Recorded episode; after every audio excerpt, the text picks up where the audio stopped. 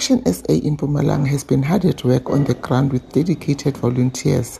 I've been cross, cross, crisscrossing all corners of the province, and today we have launched 75 new branches in places where Action SA was previously unknown.